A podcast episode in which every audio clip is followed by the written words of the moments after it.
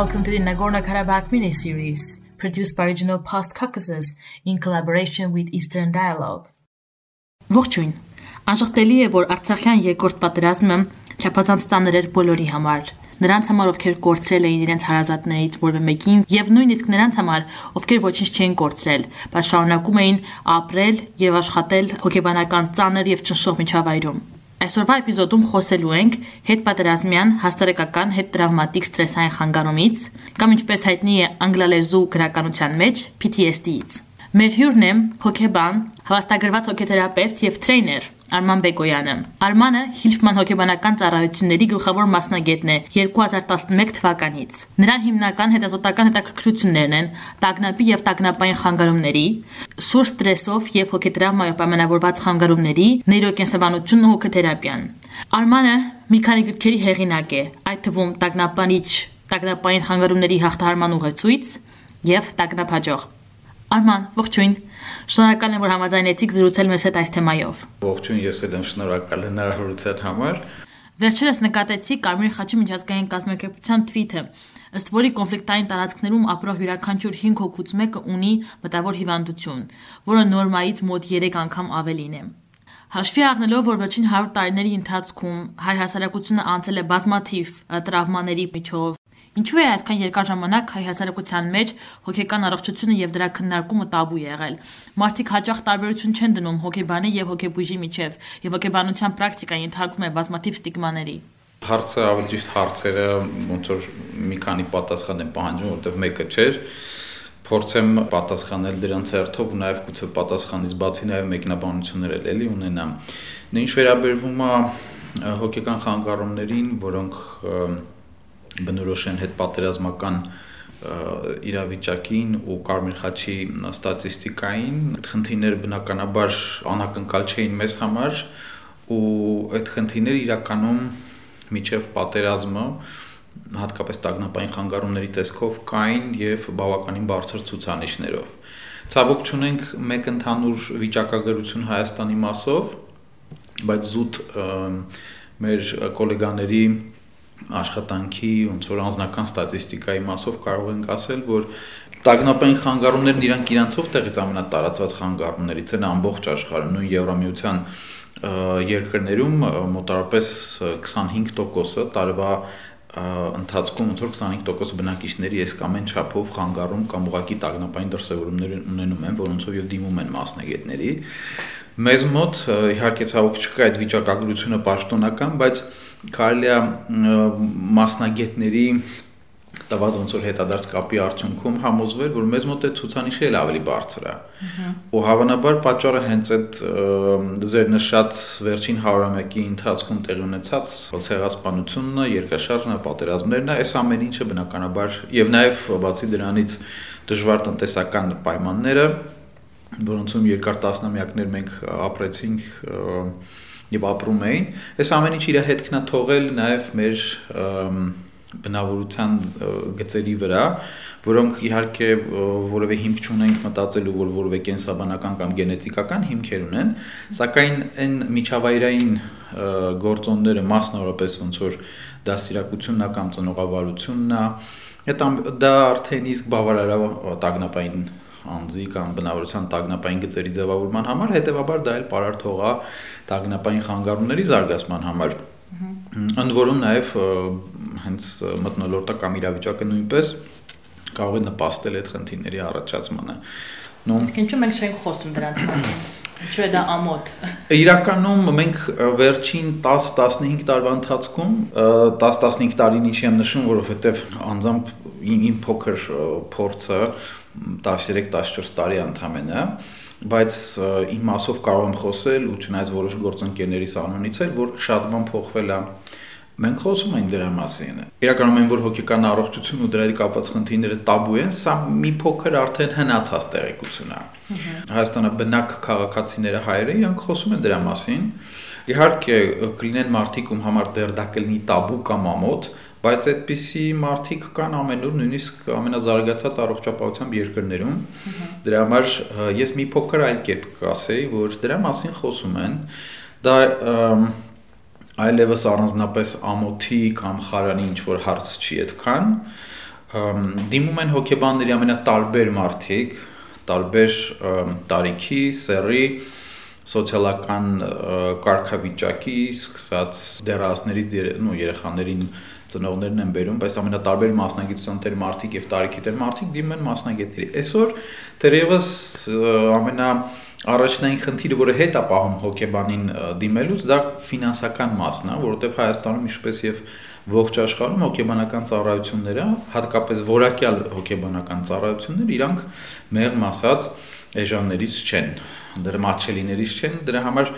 ցավոք այդ խնդիրը կա հույս ունենք որ մոտ ապագայում գոնե ինչ որ միջոցներ կլինեն, կլինի դա բժշկական ապահովագրության շրջանակներում թե այլ, որ կլուծվի այդ հարցը, չնայած այսօր էլ կան բավականին մեծ թվով հասարակական կազմակերպություններ, որոնք որոշակի թիրախմբերի մատուցում են այդ ծառայությունները անվճար։ Նո, այստեղ բնականաբար պետք է հաշվի առնել, որ դա բավարար չի եւ անհրաժեշտ է մի քիչ ավելի հեռուն գնալ, ավելի ավելի երկարաժամկետ, այո, ավելի երկարաժամկետ ու որակյալ ծառայությունների մասին հոգ տանել։ Մենք երբևէ չենք խոսել Արցախյան առաջի պատերազմի հոգեբանական հետևանքների մասին։ Արդյոք որպես հաղթող կողմ մեր զինվորները հոգեկան առողջության խնդիրներ չեն ունեցել, թե ուղղակի մենք դրան տարկայությունը չենք գիտակցել։ Իրականում խնդիրներ լինում են, անկախ նրանից երկիրը կամ բանակը տվյալ երկրի պատերազմից դուրս է գալիս որպես հաղթող, թե որպես պարտված, թե ինչ որ ուրիշ կարգավիճակներով, որովհետև անկախ ամեն ինչից զոհեր միշտ լինում են ցավոք, ֆիզիկական վիրավորումներով զինվորներ միշտ լինում են արդյունքում հետում եւ քաղաքացի քաղաքացիներ ու նույնիսկ եթե մեկ զոհել լինում է դա արդեն զոհա եւ դա կոնկրետ մարդու ընտանիքի համար խնդիր է հոգեկան առողջության տեսանկյունից դրա համար անկախ կարգավիճակից միշտ եղել լինում են եւ հետեւաբար երևի թե հաստատ ավելի ճիշտ առաջին Արցախյան պատերազմի ժամանակ էլ եղել է այդ խնդիրը խոսելու հետ կապված մի քիչ կդժվարանամ, որովհետև այդ ժամանակ ես համատաբար փոքր հասակում եմ եղել եւ բնականաբար պրակտիկայով չեմ զբաղվել, բայց կա տպավորություն, որ Հիմա մենք ավելի շատ ռեսուրսներ ունենք ու հնարավորություններ այդ ամեն ինչը վերականգնելու կամ cover անելու, եթե կարելի է ասել, ու պատերազմի առաջին իսկ օրերից էլ այդ քայլերը համակարգված արդեն իսկ ձեռնարկվել են։ Կարծում եմ նկատել եք, որ պատերազմի ընթացքում եւ պատերազմից հետո հայ հասարակության վերաբերմունքը փոխվել է հոգեբանների նկատմամբ կարող եմ նշել հատկապես ավակ սերնդին, քանի որ գուցե նրանք ավելի կասկածամտորեն էին վերաբերում մտավոր առողջության խնդիրներին, Համաձայն եք արդյոք, որ Արցախյան երկրորդ պատերազմը փոխեց հանրության վերաբերմունքը հոգեկան առողջության նկատմամբ։ Ահա։ Ցավոք միշտ է այդպես լինում, ու նույն եթե խոսում ենք կլինիկական հոգեբանության մասին ու հատկապես հենց ստրեսով ու տրավմայով պայմանավորված խանգարումների մասին, մասնավորապես հետտրավմատիկ ստրեսային խանգարման մասին, միշտ էլ պատերազմներն են, որ առաջ են եւ սխալ է ասել, հա, բրթել, բայց միշտ են նպաստել են ոլորտի զարգացմանը։ Նույն հետ տրավմատիկ ստրեսային խանգարումը որպես նոզոլոգիական միավոր կամ հասկացություն որպես խանգարման առաջին աշխարհամարտից հետո ի հայտ եկավ ու այստեղ էլ ոնց որ ցավոք իհարկե շատ ափսոս որ այս պատճառով ու այս պայմաններում միանշանակ կարևորվեց հոգեբանների եւ հոգեբանական ծառայությունների դերակատարումը հոգեբանական խորհրդատվության եւ հոգեթերապիայի ու մասնավորապես որակյալ ծառայությունների, որովհետեւ Հա մենք ունենք բուհեր, մենք ունենք շրջանավարտներ, բայց ոչ բոլորն են, որ զբաղվում են մասնագիտությամբ, ոչ բոլորն են, որ հնարավորություն ունեն հետագա հետ դիպլոմային կրթության կամ որևէ նեղ ավելի մասնագիտացած որակավորում ստանալուն։ Դրա համար ստացվում է, որ ամեն դեպքում կարևորվելը կարևորվեց, բայց կարևորվեց հատկապես որակյալ եւ մասնագիտացած ծառայություններ մատուցող հոգեբանների դերը Այսօր այդ կապված մի փոքր էլ կուզեի ավելացնել, որ հոգեբանական ծառայությունների ու մասնագետների դերը սկսեց կարևորվել նաև այս կ ូវ իդի համաճարակի հետ կապված, որովհետև մարդկանց մոտ ուժեղացան տարաբնույթ տագնապային, հատկապես օբսեսիվ կոմպուլսիվ դրսևորումները,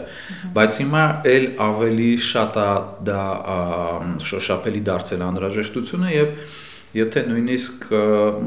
խոսեք զրուցեք մասնագետների մասնագետների հետ, ովքեր պատերազմի սկզբից նույնիսկ միջև հիմա տարբեր հիվանդանոցներում կամ կլինիկաներում աշխատում են վիրավոր զինվորների հետ կամ ընտանիքի անդամների հետ, ապա կտեսնեք, որ չկա չի եղել որևէ մեկը կամ որևէ մի զինվորի ընտանիքի անդամ, ով որ սկեպտիկորեն է վերաբերվել հոգեբանի այցին կամ որը չի ուրախացել նույնիսկ որ հոգեբանա այցելում է կամ փորձում է աջակցություն ցուցաբերել զինվորին կամ ընտանիքի անդամներին ու դա դրական ազդակ է եմ իհարկե որովհետև մենք ունեցանք ամբողջ հանրապետության եւ Արցախից ընտանիքներ եւ զինվորներ այսինքն եթե մենք նայենք հետազոտության տրամաբանության տեսանկյունից ապա խումբը լրիվ ռեպրեզենտատիվ էր որտեղ տարբեր համայնքներից Հայաստանի եւ Արցախի տարբեր տարիքային խմբերից մարդիկ էին տարբեր սոցիալական կարգավիճակներից եւ բոլորն էլ մեծ ուրախությամբ երախտագիտությամբ վերաբերվեցին այդ ամեն ինչին։ Շատ լավ։ Դուք նաև խոսեցիք ռեսուրսներից։ Արդյոք մենք ունենք բավարար մասնագետներ, ովքեր կարող են աշխատել պատերազմի մասնակիցների կամ նրանց հարազատների հետ։ Արդյոք ունենք ռազմական հոգեբանների թիմ մասնավոր կամ պետական պրակտիկայում։ Տեսնում եք արդյոք անհրաժեշտություն, որ հայ հոգեբանները վերապատրաստվեն եւ համապատասխան որակավորում ստանան։ Վերջից երևի գամ օգնության կարիք ունեն նույնիսկ ամենազարգացած երկրների ամենազարգացած մասնագիտական ասոցիացիաները եւ համայնքները, նույնիսկ ամերիկյան հոգեբանական ասոցիացիան, որը 100 տարուց ավելի է արդեն որ գործում է, նույնիսկ իրենք այսօր խոսում են նրա մասին, որ իրանց ռեսուրսները բավարար չեն իրանց երկրի կարիքները հոգալու համար։ Դրա համար ռեսուրսների կարիք միշտ կա, օգնության կարիք միշտ կա։ Ինչ վերաբերվում է բավարար թվով հոգեբաններին Հայաստանում, դիպլոմավորված կամ կրթություն ստացած դե յուրե մասնագետների թիվը բավականին մեծ է, փոքր չի, որովհետև մի քանի բուհերում ունենք ֆակուլտետներ եւ ունենք տարբեր մասնագիտացումներ, մասնավորապես գործնական հոգեբանության ոլորտում, մենք ունենք խորհրդատվական հոգեբանության, կլինիկական հոգեբանության, հոգեթերապիայի ոլորտում մասնագիտացող մասնագիտացած մասնագետ ուսանողներ ու հարցը նրանում է որ երկար ժամանակ մեր ոլորտը միջև հիմա էլ չնայած չունենալով որևէ իրավական կարգավորման հնարավորություն կամ գործիքներ կամ փաստաթղթեր, ասենք օրենք, հոգեբանական ծառայության մասին կամ հոգեբանական ծառայությունների լիցենզավորման, դա կլինի հոգեթերապևտի լիցենզիա, դա կլինի, չգիտեմ, գործնական հոգեբանի լիցենզիա, ոնց որ որոշ երկրներում կա, ճանենալով որևէ նմանատիպ կարգավորում եւ ցավոք դաշտում ունենալով ինչ որ չափով կամ մեծամասամբ ոչ կոմպետենտ կամ ոչ բարեխիղճ մասնագետների, նաև երբեմն նաև գիտական կոչումներով եւ ոչ միայն մենք Այս տեսանկյունից ստացվում է, որ համ ունենք մասնագետներ, համ չունենք մասնագետներ։ Սա ցավով եմ ես նշում, որովհետև այդ ամեն ինչը անդրադառնում է բոլորիս վրա, ոչ միայն այցելուների, այլ նաև մասնագետների, իմ գործընկերների, այստեղ հեղինակության ընդհանուր Իհարկե, հեղինակության եւ մասնագիտության հեղինակության, որովհետև մասնավորապես հենց որոշ ու ես հույս համոզված եմ, որ բավականին քիչ թիվ են կազմում իրանք, որոշ անբարեխիղճ եւ երբեմն էլ ոչ բավարար կոմպետենտության մասնագետների շնորհիվ ձևավորվում է սխալ պատկերացում հոգեբանության որպես գիտության վերաբերյալ, ավելի ճիշտ հոգեբանության որպես չգիտության պատկերացում է ձևավորվում եւ շատ սկեպտիկորեն են վերաբերում նույնիսկ որոշ բժշկական մասնագիտությունների տեր մարդիկ, որոնք իհարկե ունեն իրենց դրա համար իրենց հիմքերը նույնպես։ So այս տեսանկյունից մեզ իհարկե օգնություն պետք է, առաջին հերթին մեզ պետք է հնարավորինս շատ ռեսուրսներ ինքնազարգացման եւ երիտասարդ մասնագետների կրթման, ուսուցման, որակավորման համար այդ առումով քայլեր ձեռնարկել ենք, ձեռնարկում ենք դեռ Այդ դրա համար օրինակ մենք մոտարպես տարի ու կես երկու տարի առաջ հիմնեցինք Հայաստանում EMDR-ի հայկական ասոցիացիան, որը աֆիլիացված է Եվրոպական ասոցիացիայի հետ եւ ակրեդիտացված տրեյներները Եվրոպական ասոցիացիայի մեր ասոցիացիայի շրջանակներում իրականացնում են տրեյնինգներ, EMDR-ը դա աչքերի շարժումների միջոցով դեսենսիտիզացիայի եւ վերամշակման մեթոդն է, որը ամերիկյան հոգեբանական ասոցիացիայի կողմից, ամերիկյան հոգեբուժական ասոցիացիայի կողմից, տրավմայի ուսումնասիրության մի շարք միջազգային հեղինակավոր ասոցիացիաների կողմից, առողջապահության համաշխարհային կազմակերպության կողմից ճանաչվում են եւ ընդունվում են որպես first choice therapy, առաջին առաջին ընտրության թերապիա հենց ստրեսով եւ տրավմայով պայմանավորված խանգարումների, մասնավորապես հետ տրավմատիկ ստրեսային խանգարման համար զուգահեռ կոգնիտիվ վարքաբանական թերապիայի հետ։ Մենք այդ ասոցիացիան հիմնեցինք եւ արդեն ունենք առաջին մակարդակի մասնագետներ, առաջին մակարդակի տրեյնինգն անցած, ցավոք իդը մեզ բավականին խանգարեց, որտեվ այս ընթացիկ տարում ենք մի քանի միջոցառում կազմակերպել էինք, որը անընդհատ հետաձգվեց եւ չեղարկվեց իդի պատճառով։ Բայց այս ընթացքում ամեն դեպքում մեր գործընկերները Եվրոպական ասոցիացիայից բարեգործական հիմունքներով, կամավորական հիմունքներով տարբեր on-line workshop-եր եւ առաջին հոգեբանական օգնության սեմինարներ կազմակերպեցին ամեն դեպքում եւ ելի աջակցեցին։ Ինչ վերաբերում է աջակցությանը, որը մեզ պետքա, մենք նաեւ ստացանք, ունեցանք այս պատերազմի ընթացքում հենց հոկեբանների համար, մեր Ամերիկայից մեր գործընկերները, Ամերիկա բնակ հայ մասնագետները նույնպես մեծ օգնություն ցուցաբերեցին, այդ թվում եւ մասնագիտական կազմակերպելով անվճար կամորական հիմունքներով սուպերվիզիաներ եւ թերապիաներ այն մասնագետների համար, ովքեր որ աշխատում են եւ աշխատում են պատերազմից դժուժած անձանց հետ։ Կարող եք նշել, թե ինչպիսի ներդրում ունի կառավարությունը աշխատանքների համակարգման գործում։ Ով է համակարգում զինվորների հոգեբանական աջակցության ջանքերը։ Արդյոք բոլոր զինվորները, ովքեր հոսպիտալացվում են կամ ոչ, ենթակային հոգեբանական աջակցության, թե դա հատկացվում է միայն զինվորների կամահայտնությունից հետո ես բնականաբար չեմ կարող տիրապետել ողջ տեղեկատվությանը, բայց ինչ է որ ինձ հասանելի է եւ ինչի մասին որ կարող եմ խոսել, որովհետեւ որոշ բաներ կա, որի մասին հանրային խոսել չեմ կարող, ելնելով բարձ պատճառներից, անվտանգության եւ այդ թվում եւ կոնֆիդենցիալության,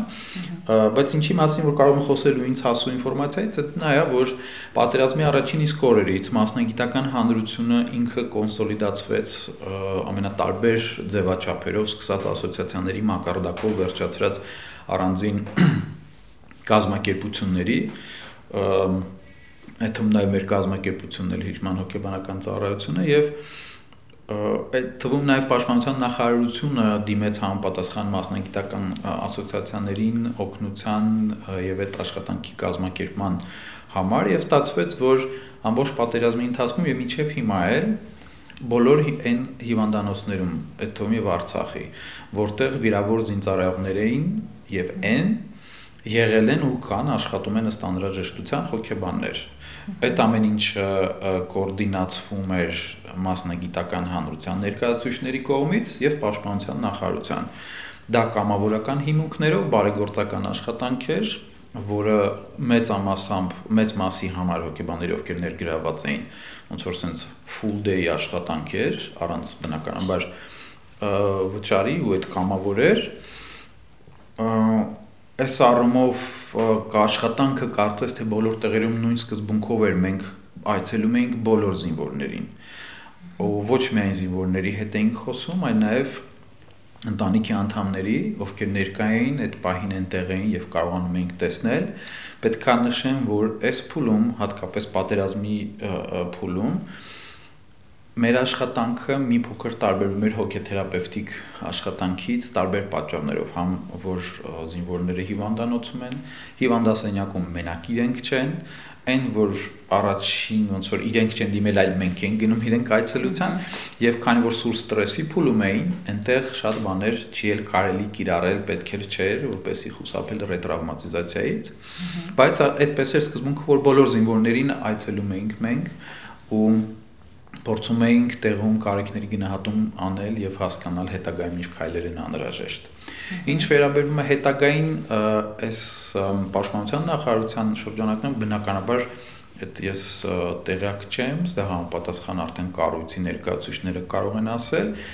կառավարության ջանքերի հետ կապված նույնպես տեղակ չեմ կարող լինել ամբողջությամբ, բայց ես գիտեմ, որ նախատեսվում է լայնամասշտաբ աշխատանք էս առումով, որպեսի բոլոր մեր մարդիկ առաջնային կարիք ունեցող մարդիկ հոգեբանական ծառայության աջակցության իրենք ստանան դա այդ թվում ամբողջ հանրապետության մասշտաբով թե ընթացքում ոնց դա կռեալիզացվի եւ որքանով տեսնենք Իսկ ինչպես է խոչընդոտներ եք պատկերացնում, որ այդ process-ը կունենա թե հենց հոգեբանների համար, թե հա։ հենց զինվորների կամ հարազատների կամ բոլոր այլ անձանց, ովքեր որ կօգտվեն այդ հոգեբանական օգնությունից ամենամեծ ու հիմնական խոչընդոտը process-ի տեսանկյունից ես տեսնում եմ իրական մասնագիտացած որակյալ կադրերի սակավությունը։ Բնականաբար թվեր իմանալ չեմ կարող, ասել չեմ կարող, բայց այն որ սակավեն ռեսուրսները մասնագիտական կամ մարդկային, եթե կարելի այդպես ասել, այդ դա է համար 1 խոչընդոտը կամ դժվարությունը,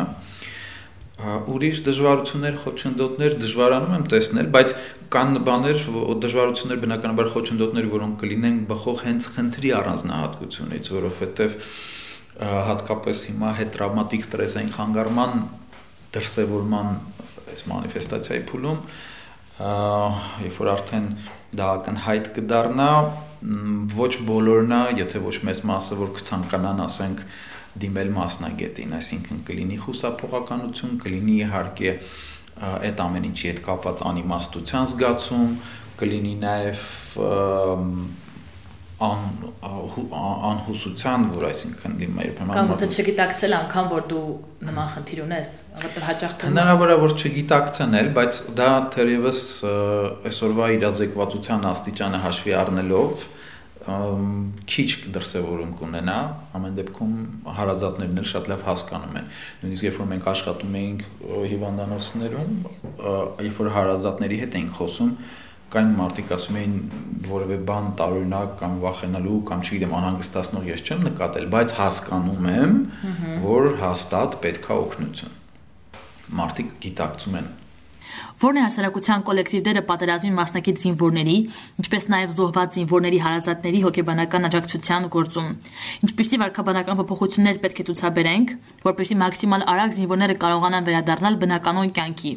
եւ վերգտնել իրենց դերը հասարակության մեջ, հատկապես եթե նրանք պատերազմի ընթացքում ձեռք են բերել հաշվանդամություն։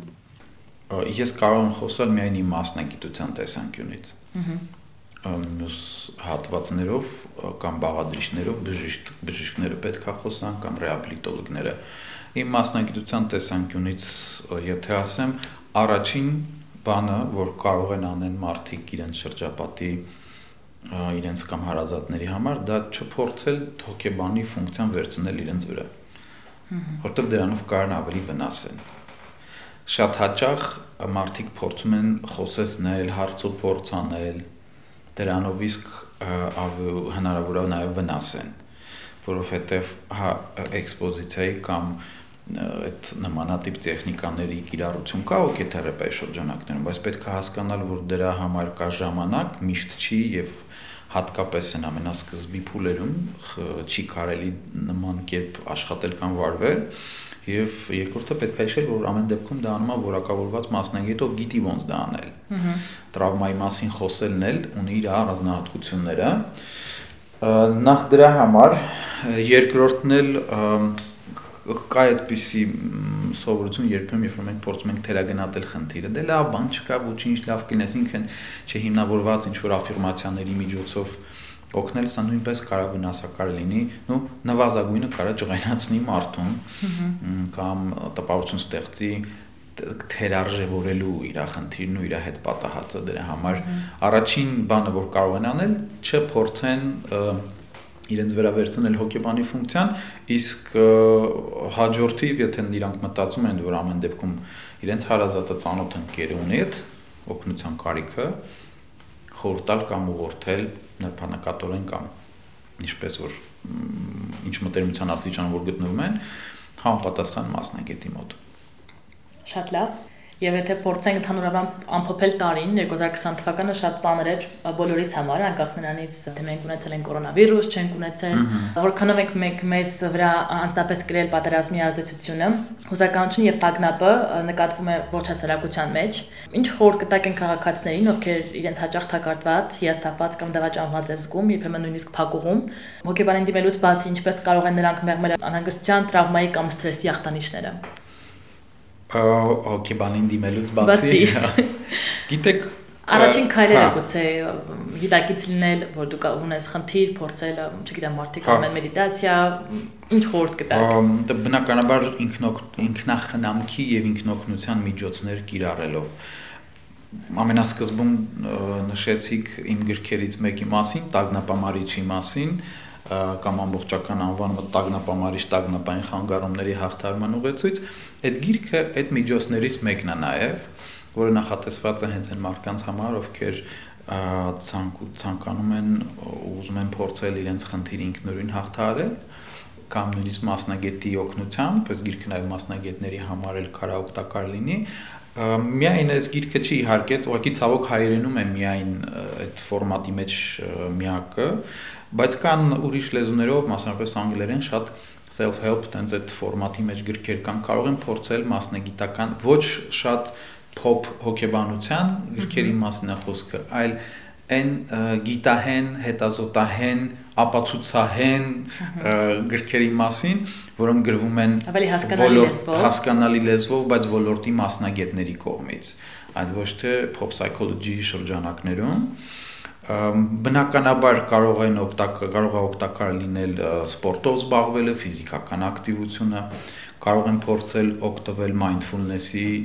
տարաբնույթ տեխնիկաներից, զանազան շնչառական վարժություններից, շատ խորհուրդ են տալիս մասնագետները